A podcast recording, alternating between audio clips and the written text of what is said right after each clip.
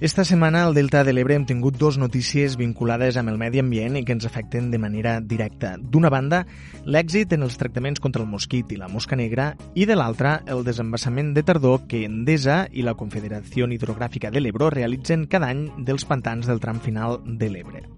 Per valorar totes dues informacions, comptem amb la presència de Joan Alginet, president del Consorci de Polítiques Ambientals de les Terres de l'Ebre, el COPATE. Benvingut, Joan, i gràcies per atendre'ns. Moltes gràcies.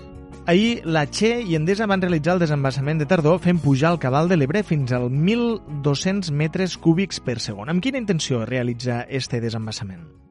Bueno, aquesta és una política que porta, que porta Endesa des de, fa, des de fa algun temps, sobretot també en la mesura que jo crec que hem sigut capaços de fer entendre a una, una hidroelèctrica que el seu principal objectiu eh, no són precisament les qüestions ambientals, sinó que sinó que és un, és és un altre àmbit, eh? això seria, ens portaria un altre debat, sí que cada vegada hem intentat fer, fer la pedagogia suficient, entre altres coses, perquè al final el control del cabal de l'Ebre, eh, la gestió hídrica, més enllà de la pròpia Che, que evidentment té una incidència important, acaben determinant les hidroelèctriques. Per tant, eh, nosaltres ens hi trobem molt, molts de problemes alguns cops quan hem de fer tractaments o quan hem de fer els mostrejos previs per l'alt nivell que porta el riu i són ells els que l'acaben regulant.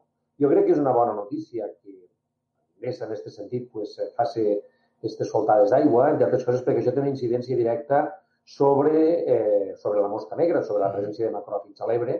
El, problema aquí principalment ha vingut perquè eh, s'ha produït un canvi químic a l'aigua del riu i l'aigua eh, és molt transparent, és, està molt neta, és molt clara. No és aquella aigua marrona, aquella aigua mm, eh, que no és transparent i que, per tant, és la que no deixava aflorar la llum del, eh, al, al terra i, per tant, feia eh, créixer o fa aflorar la presència de macròfits.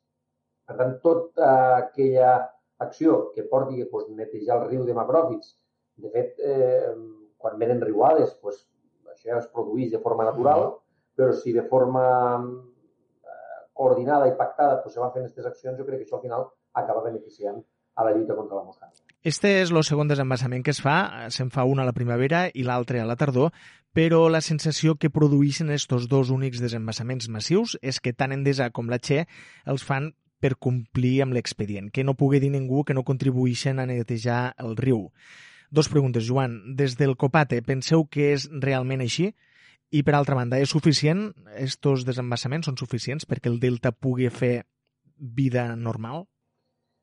Mm, totalment d'acord. Eh? És a dir, al final jo compartixo que el que fa eh, Endesa en aquest sentit pues, és un intent de blanquejar eh? un compromís ambiental. I, per tant, jo crec que això tampoc no estic dient res que ningú ho tingui clar. Eh? Eh, però al final els interessos eh, d'Endesa són uns. Eh, Endesa és una multinacional el que vol és eh, treure benefici del consum energètic. El que és més preocupant és que la Che, que és un organisme públic, sigui còmplice d'aquestes accions. No? I sempre poso un exemple. De fet, eh, qui acaba gestionant eh, la, el cabal de l'Ebre, i és així, eh? no és la Che. Ens pensem que la Che, mm, no, al final qui ho acaba dient, qui acaba dient eh, solto més aigua o solto menys, eh, són les hidroelèctriques. Per tant, jo crec que aquí hauríem de tindre una capacitat d'incidir sobre aquestes grans empreses, perquè, evidentment, la seva acció, que va en funció no d'un objectiu ambiental, sinó d'un objectiu d'enriquiment, uh -huh. hauria d'estar més limitat i més, i, i, i més condicionat. I és més, jo crec que a la XE hauria d'obligar a destinar una part dels beneficis d'aquestes multinacionals a, a preservar de forma valenta i de forma real, eh? no, en, uh -huh. no en maquillatge, eh, les polítiques ambientals que es desenvolupen. Mm, tot i que, tot i que en els últims mesos eh, hem sigut molt crítics. Eh? Jo, jo cada vegada sempre dic el mateix. No pot ser que el tram final de l'Ebre, que el, que el cabal de l'Ebre no es gestioni des de les Terres de l'Ebre.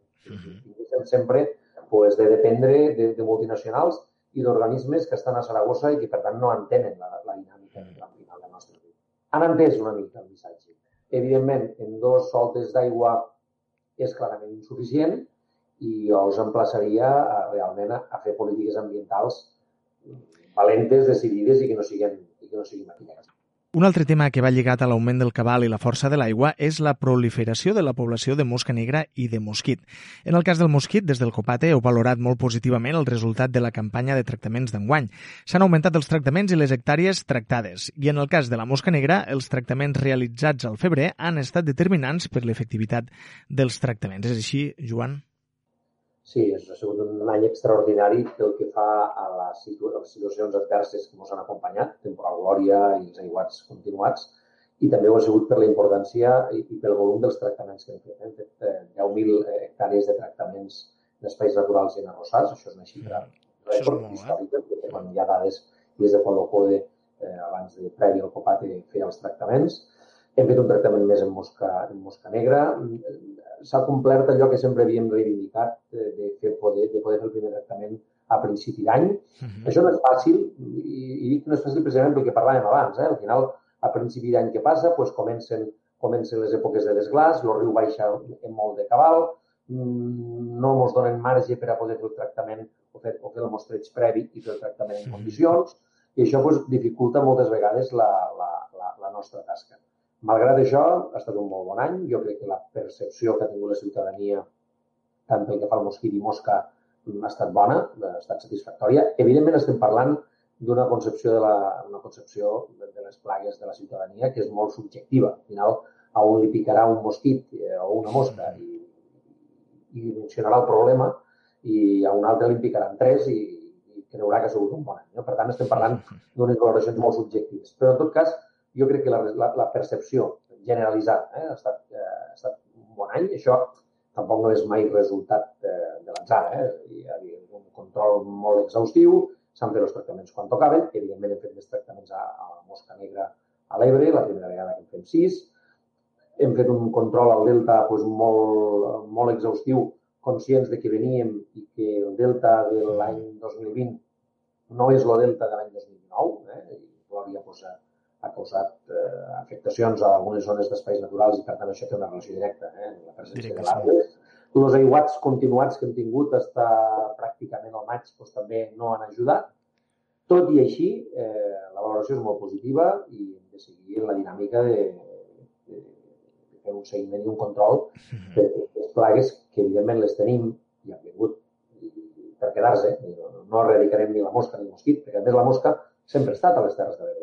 Passa que la mosca eh, produeix la seva eclosió quan el riu canvia. És a dir, quan el riu deixa de ser aquell riu eh, marró, aquell riu eh, eh, que, que, no és transparent, i quan tenim un riu tan net, eh, la qual pues, eh, això comporta l'aparició la, la, de macròfit, la mosca troba el macròfit, l'alga, uh -huh. el seu lloc idíl·lic per a. L'èxit de la campanya d'enguany, però, no garanteix l'èxit de la campanya del 2021. I és que, entre d'altres factors, des de la Unió Europea encara no s'han pronunciat sobre si es podrà continu continuar utilitzant el producte que s'utilitza ara per tractar els camps. Des d'Europa se pretén que els tractaments es realitzen amb BTI, però en cas que sigui així, d'una banda, els costos es poden arribar a triplicar i, a més a més, sembla que l'efectivitat del producte es pot veure reduïda.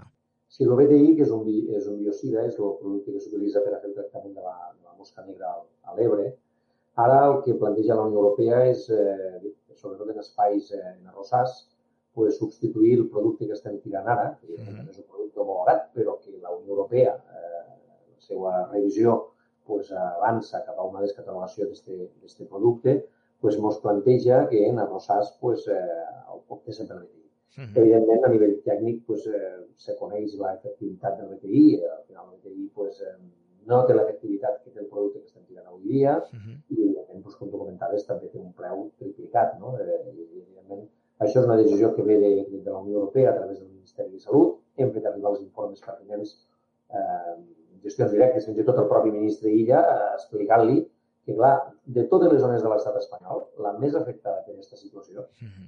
serà el Delta de l'Ebre en primer lloc, perquè la zona que es fa arròs a l'Empordà estem parlant de molt poques hectàrees. Mhm. -huh. Tant eh, Doñana com l'Albufera, eh, que són espais nacionals, a eh, que és un parc nacional, i a l'Albufera no es fan tractaments aèris per, a, per al mosquit -huh. eh, als arrossars. Per tant, estem parlant de que el Delta, els municipis del Delta, pues, seran els més afectats en aquest sentit. Uh -huh. Per tant, demanem pues una moratòria i buscar una solució que, evidentment, compagini eh, a nivell econòmic, poder fer front a, als tractaments, però sobretot la part efectiva. Eh, Clar. jo crec que multiplicar per 3 a les assignacions que fa els municipis del Delta per combatre el mosquit eh, és inassumible. I jo crec que això hem de buscar una solució quan abans. Perquè si no es troba aquesta solució, Joan, la vostra feina de, de tot aquest any passat podria haver estat en va. Sí, no? pel que fa a la mosca sí, eh? pel que fa a la mosca el és un producte que, que, que, que realment dona el seu fruit i dona el seu resultat. Estem parlant de l'aplicació del BTI en arrossars. Ah. Jo crec que aquí hi ha un desconeixement per part de, de Brussel·les en aquest sentit i també eh, del Ministeri de Salut Uh -huh. de, de, de, de, de què implica això, no? I és com allò, no? Sembla que les decisions i les mesures moltes vegades se prenen en uns coneixements, dic que és cap coneixement, suposo que hi ha una part de coneixement, però no en tota la dimensió del problema, i és quan se prenen mesures eh, decisions sense pensar les afectacions. I a nosaltres, particularment el Delta de l'Ebre, el Copate, el grau d'afectació del mosquit, ne patirà més que ningú les conseqüències d'un producte que és molt car i dos, que els seus efectes eh, no, digués, no, no, no direm que són limitats, eh, però són, ho posem en dubte. No? Eh, pensa que el, el grau d'efectivitat, per aquest, per aquest pas és un, un, un exemple, eh? el, el grau d'efectivitat dels nostres tractaments a dia d'avui estem parlant d'un 95%. Uh -huh. Però, però hi ha un 5% que s'escapa. I aquest 5% que s'escapa reprodueix i fa mosquit adult i, uh Mhm. -huh. i, i va deixant postes per tot arreu. Clar, mm, ara imagina't una efectivitat inferior a un 95%. Doncs estarem al cas de com evoluciona la normativa europea respecte al tractaments amb BTI. Gràcies, Joan Alginet, president del COPATE, per atendre'ns i enhorabona per l'èxit en els tractaments d'enguany. Moltes gràcies a vosaltres.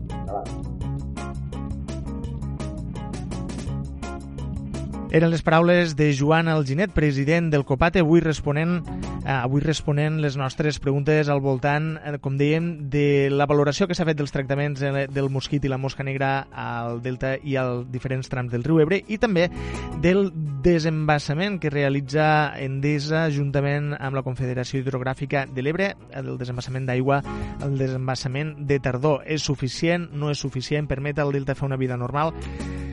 Doncs Joan ens ha donat alguna pista per poder arribar-ho a entendre. Nosaltres anem a escoltar els butlletins informatius que ens ha preparat la nostra companya Leonor Bertomeu i tornem de seguida a la segona hora del nostre programa amb la secció de les conserves musicals amb el músic mm, i escriptor del Tebre Miquel Àngel Marín.